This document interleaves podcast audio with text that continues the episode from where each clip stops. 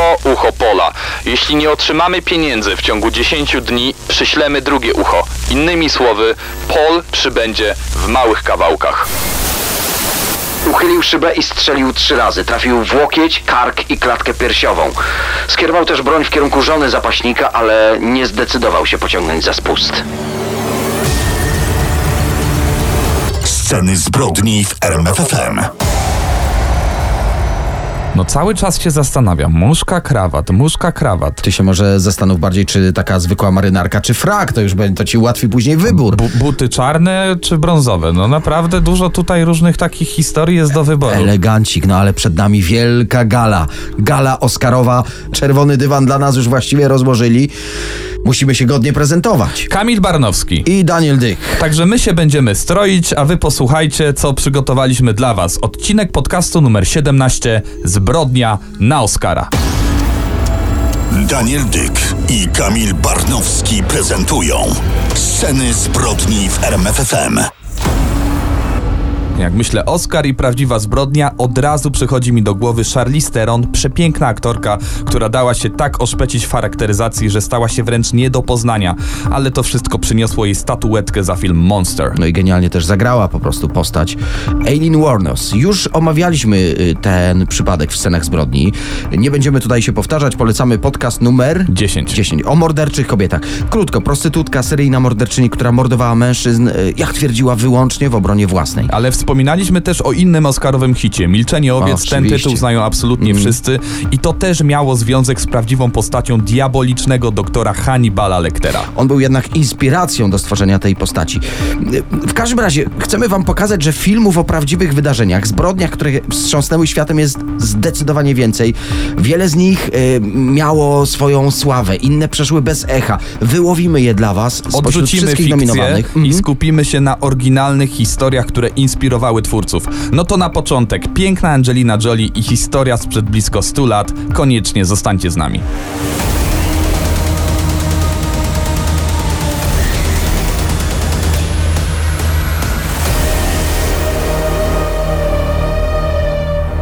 I mówiąc szczerze, już naprawdę nie mogłem się doczekać, żeby powiedzieć o filmie z Angeliną Jolie, który dekadę temu był nominowany do Oscara w trzech kategoriach. Ale statuetki ostatecznie nie zdobył. Żal, że sama Angelina nie zdobyła, bo naprawdę mm, zagrała przekonująco. Historia, jaka się za tym kryje, każe nam wyróżnić ten film absolutnie. Od niego zaczynamy. Film Oszukana opowiada o Christinie Collins, której dziewięcioletni synek Walter po prostu znika. Policja go odnajduje, jednak matka twierdzi, że to nie jest jej syn. Władze wmawiają jej, że się myli, że syn zmienił się po prostu w trakcie porwania, a w końcu próbują wmówić jej, że ona sama zwariowała. I teraz zróbmy jak w dobrym filmie cięcie i przenieśmy akcję na kurzą fermę w Wineville w Kalifornii. Założył ją ze swoim ojcem 19-letni Gordon Stewart Northcott. Do pracy na farmie zaprasza siostrzeńca z Kanady, Sanforda Clarka. I gdy ten, za zgodą rodziców oczywiście, przybywa do wujka, czeka go prawdziwe piekło. Jest bity, zastraszany, molestowany. W sierpniu 28 roku, gdy Sanford ma 15 lat, odwiedza go na farmie w Winville jego 19-letnia siostra Jessie. I wtedy dowiaduje się od brata, że jest bity, wykorzystywany seksualnie, że obawia się o swoje życie. A co najgorsze, że wujek Gordon zabił czterech chłopców na swoim rancho. Jessie po powrocie do rodziny w Kanadzie dopiero wtedy czuje się na tyle bezpieczna, że zgłasza sprawę na policję. 31 sierpnia dwóch inspektorów służby imigracyjnej Stanów Zjednoczonych przybywa na rancho. Wujek Gordon, widząc ich z daleka, grozi siostrzeńcowi bronią, nakazuje mu zwlekać, milczeć, jak najdłużej zatrzymać policję, a on w tym czasie wraz ze swoją matką uciekają. Ale zostają aresztowani w Kanadzie 19 września. W tym czasie młody Sanford opowiada policjantom historię, w którą naprawdę nie potrafią uwierzyć. Jego wujek Gordon wraz ze swoją matką Sarą porwał, wykorzystał, a w końcu zabił trzech młodych chłopców i jednego młodego mężczyznę z Meksyku. Jego pozbawione głowy ciało zostawił na poboczu drogi. Głowę kazał spalić małemu Clarkowi w ognisku. Chłopiec wskazał również trzy płytkie groby na terenie farmy w Wineville. Oględziny wykazały, że Gordon i jego matka wykopali ciała, spalili je w celu zatarcia śladów. Jednak śledczy natrafili na 51 różnych fragmentów szczątków ludzkich należących do trzech chłopców. Na ich podstawie ustalono, że ofiarami byli dwaj bracia Winslow i właśnie Walter Collins, syn głównej bohaterki filmu Oszukana. Ale mimo mocnych dowodów i zeznań świadków, mimo że Gordon Northcott w śledztwie miał przyznać się do znacznie większej liczby ofiar, ofiar. Mówiło się o nawet 20 chłopcach. Został początkowo uniewinniony. Całą winę wzięła na siebie jego matka, została skazana na dożywotnie więzienie. Jednak ostatecznie sąd udowodnił mu związek z zabójstwem. y, Ta sprawa miała kryptonim bezgłowy Meksykanin. Udowodnił mu także molestowanie chłopców, współudział w zamordowaniu dwóch z nich. Za to skazał go na śmierć. Zginął na szubienicy w wieku 23 lat. Ta sprawa była również pewnego rodzaju wyrokiem śmierci dla tej, no niczemu winnej, miejscowości Wineville. By uniknąć złego rozgłosu, miasteczko zmieniło nazwę na Miraloma. Dziś o istnieniu przeklętej farmy świadczą jedynie nazwy ulic Wineville Avenue, Wineville Road czy Wineville Park. Skończę jedynym pozytywnym akcentem w całej tej mrocznej historii. Ten siostrzeniec zwabiony na farmę, 15-letni Sanford Clark, wrócił do Kanady, gdzie dożył w zdrowiu sędziwego wieku.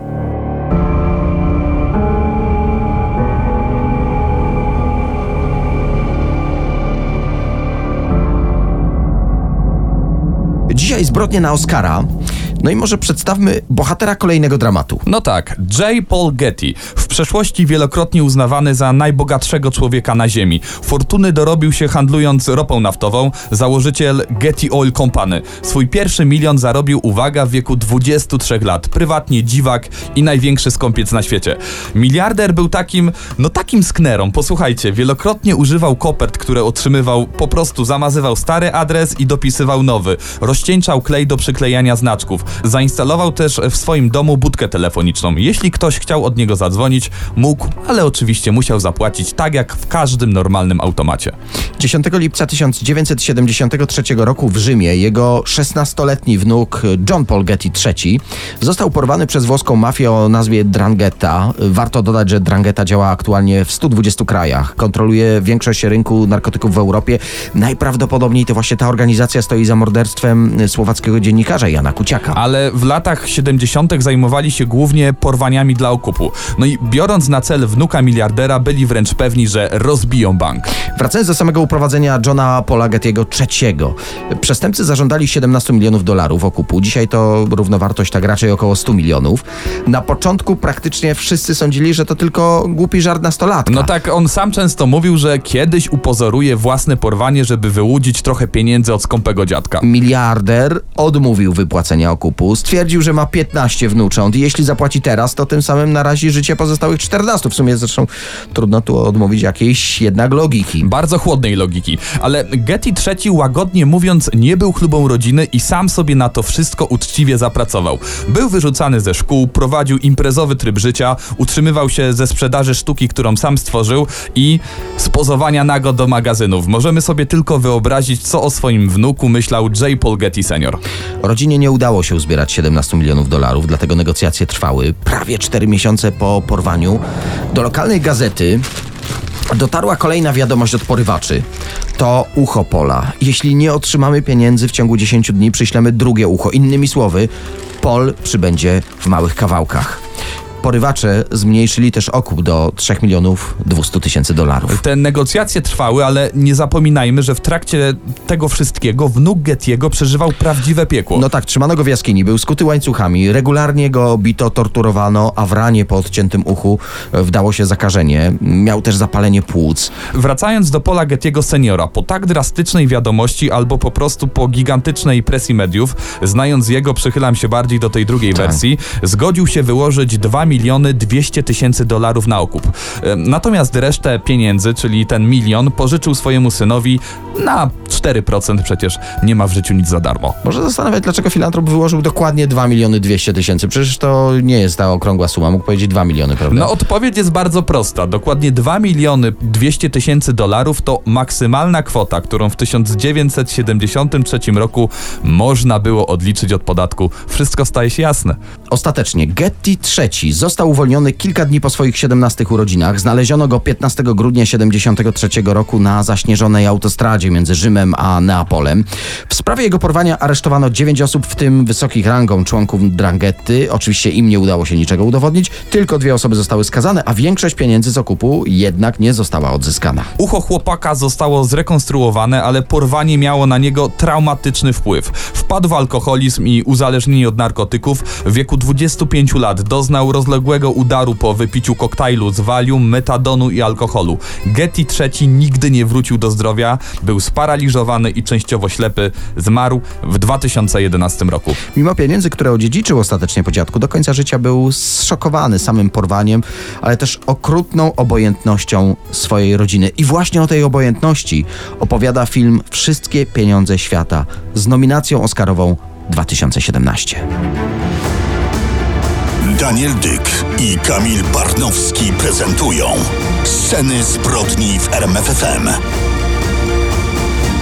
Czas na kolejny film nominowany do Oscara, a opowiadający historię prawdziwych morderców. Deadman Walking z Sprawa 93 naprawdę roku. bardzo wielkiego kalibru. Właściwie film opowiada historię siostry zakonnej Helen Pridgean. Kierowana miłością do bliźniego stała się głosem Amerykanów przeciw karze śmierci. I właśnie ona w 1982 roku odwiedzała cele śmierci. Poznaje i próbuje zdobyć przebaczenie dla dwóch skazańców. Pierwszy z nich to Elmo Patrick Sonier, skazany na krzesło elektryczne. 4 listopada 77 roku, gdy wraz z bratem wracali z polowania na króliki, spotkali dwoje zakochanych nastolatków, no i postanowili zabawić się ich kosztem. Elmo był ochroniarzem, więc pokazał parze odznakę, twierdząc, że jest ona policyjna. W ramach niby śledztwa zarekwirował ich samochód, zakuł ich w kajdańki, następnie bracia wywieźli ich w odosobnione miejsce i wykorzystali dziewczynę. Obawiając się, że para wyda ich prawdziwej policji, zastrzelili ich właśnie z broni na króliki, zostawili w przydrożnym rowie broń i prawa jazdy swoich ofiar zakopali. Jednak wpadli, bo gdy wrócili do swojego samochodu, zauważyli, że mają przebitą oponę. Użyli więc podnośnika z auta swoich ofiar i ten podnośnik zabrali ze sobą i to on stał się kluczowym dowodem w sprawie. Drugim skazańcem, którego starała się pocieszyć w celi śmierci siostra Helen, był Robert Lee Willie. Wraz z kolegą porwał wracającą z imprezy osiemnastolatkę, wykorzystał ją, następnie zadźgał nożem. Niestety na tym nie koniec. Tydzień później, 31 maja 1980 roku, zaatakowali 20-latka i 16-letnią dziewczynę. W tym przypadku wykorzystali ją, dźgnęli nożem i w końcu zastrzelili. Chłopak przeżył ich atak, ale został sparaliżowany od pasa w dół. Już w areszcie Willie przyznał się także do innego morderstwa. Y, Dwa lata wcześniej zamordował mężczyznę. Za to wszystko otrzymał karę śmierci i elektryczne krzesło. Dodajmy, że siostrze Helen nie udało się powstrzymać wykonania tych wyroków.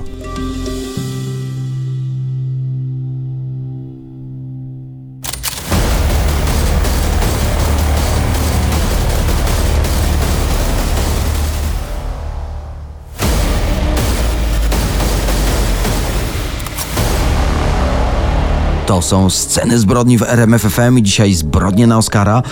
No bo patrzymy, czerwony dywan czeka na Odliczamy. największe gwiazdy.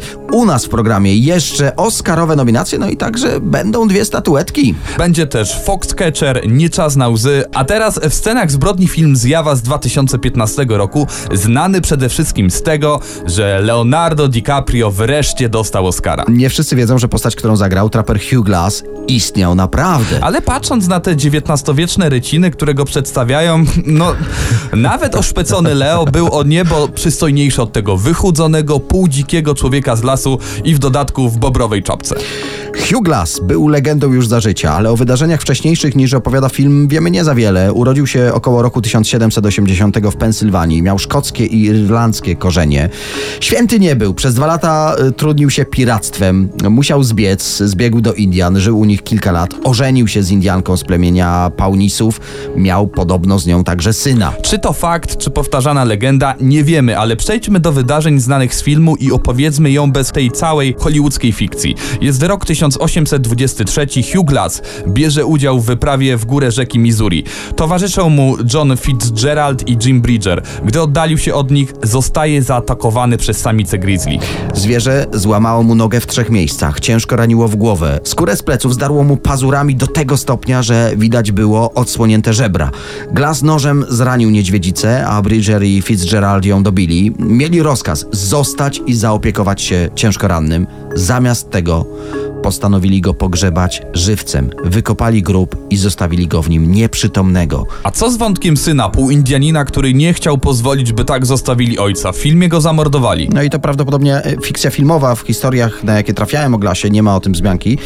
Może przeoczyłem, ale już samo pozostawienie człowieka w grobie na śmierć, no jest poważną próbą No właśnie, tylko próbą, bo Glass odzyskał przytomność, zdołał wydostać się z grobu i czołgając się kierował się w stronę najbliższego fortu. Dodajmy, że to są traperskie czasy. Hasło najbliższy fort oznacza 320 km marszu przez dzicz. Jak sam później opowiedział, w tym czasie jadł korzonki, jagody. Przed śmiercią głodową uratowało go zjedzenie padliny z bizona. To też znamy z filmu i to była prawda. W głębokie rany wdało się zakażenie. By nie dopuścić do gangreny, traper układał w ranach robaki, by zjadały martwiejące tkanki. Gdy dotarł do rzeki, zdołał zbudować tratwę, spotkał też Indian, którzy mu ostatecznie pomogli.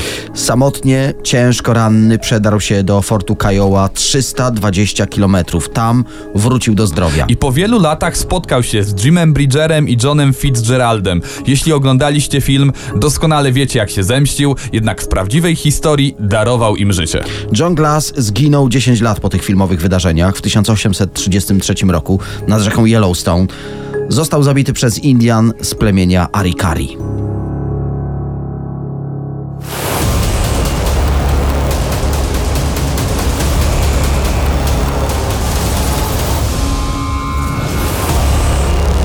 Film o zbrodni y, z nominacją Oscarową Foxcatcher. No ta historia równie dobrze pasuje do poprzedniego odcinka Scen Zbrodni Mordercy wśród sportowców. No ten odcinek możecie odsłuchać zawsze na rmfon.pl. 26 stycznia 1996 roku John DuPont zastrzelił Dave'a Schulza przed jego domem. Świadkami zbrodni była żona Schulza, szef ochrony Johna DuPonta, y, który siedział nawet y, na miejscu pasażera w samochodzie, z którego trzykrotnie strzelił.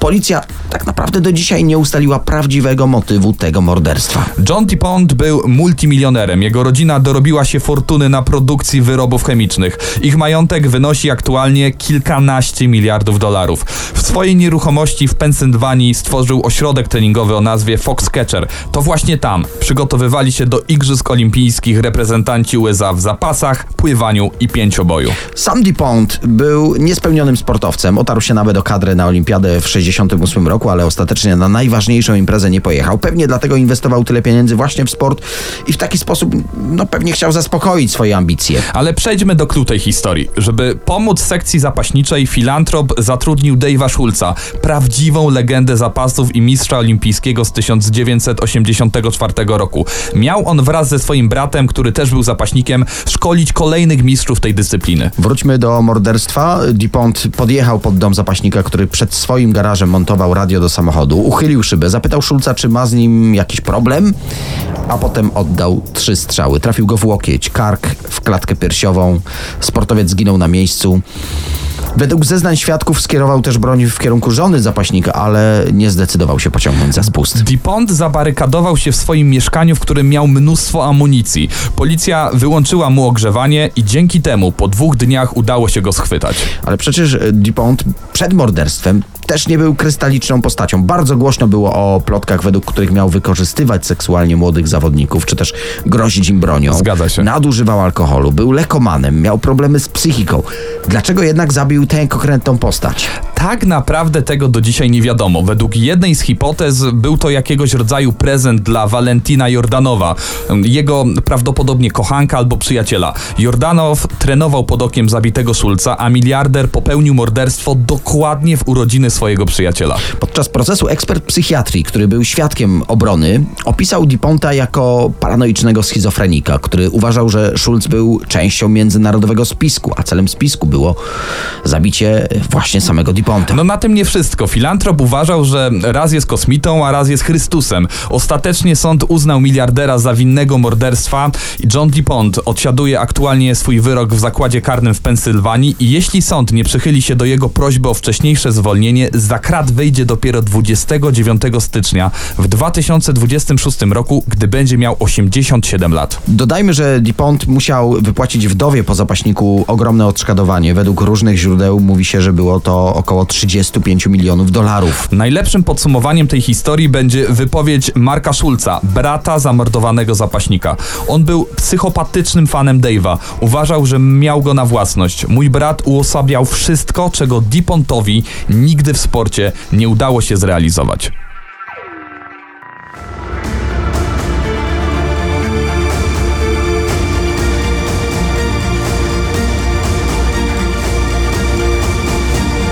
Patrzymy na zegarek, patrzymy na czerwony hollywoodzki dywan. Jeszcze jedną historię zdążymy wam opowiedzieć. Życie Brandona Tiny. Choć może trafniej będzie powiedzieć historia Tiny Brandon. No rzeczywiście urodził się jako dziewczyna, ale jak twierdził w niewłaściwym ciele, mówił o sobie, że jest chłopcem.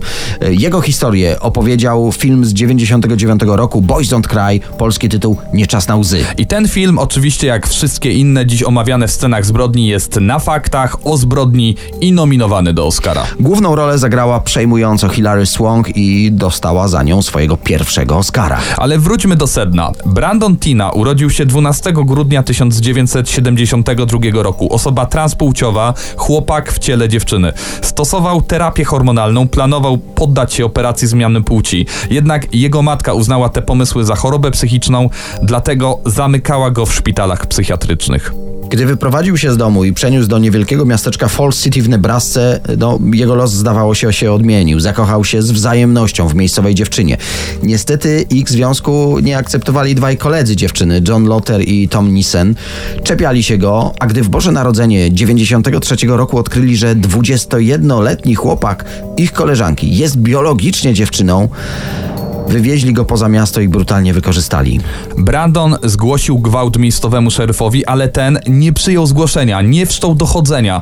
Później spotkała go za to fala krytyki, jeszcze większa, gdy o Brandonie wypowiadał się nie on, nie ona, a to.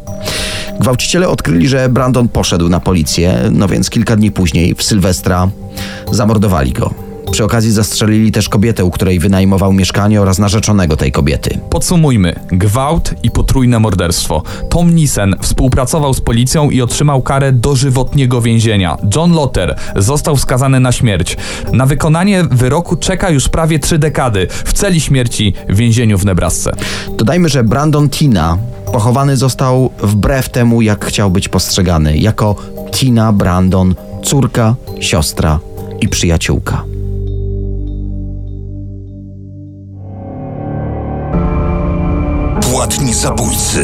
Seryjni mordercy i sceny zbrodni w RMFFM. No to gala, gala i pogali, a teraz bankiecik. A, może na bankieciku uda się nam zdobyć jakąś statuetkę, Nie bo, jedno. bo, bo nie przyznali na gali, bo nie przyznali. No, no, no cóż, no to będziemy się tutaj rozglądać.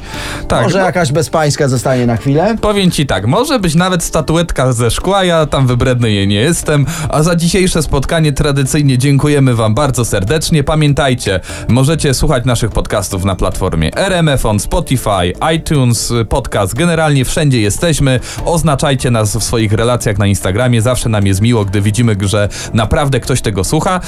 No i słyszymy się za tydzień. Kamil Barnowski. I Daniel Dyk, to ja już może tę muszkę rozepnę, nie przydała się w tym roku. No może za rok dostaniemy Oscara. Daniel Dyk i Kamil Barnowski prezentują Sceny zbrodni w RMFFM.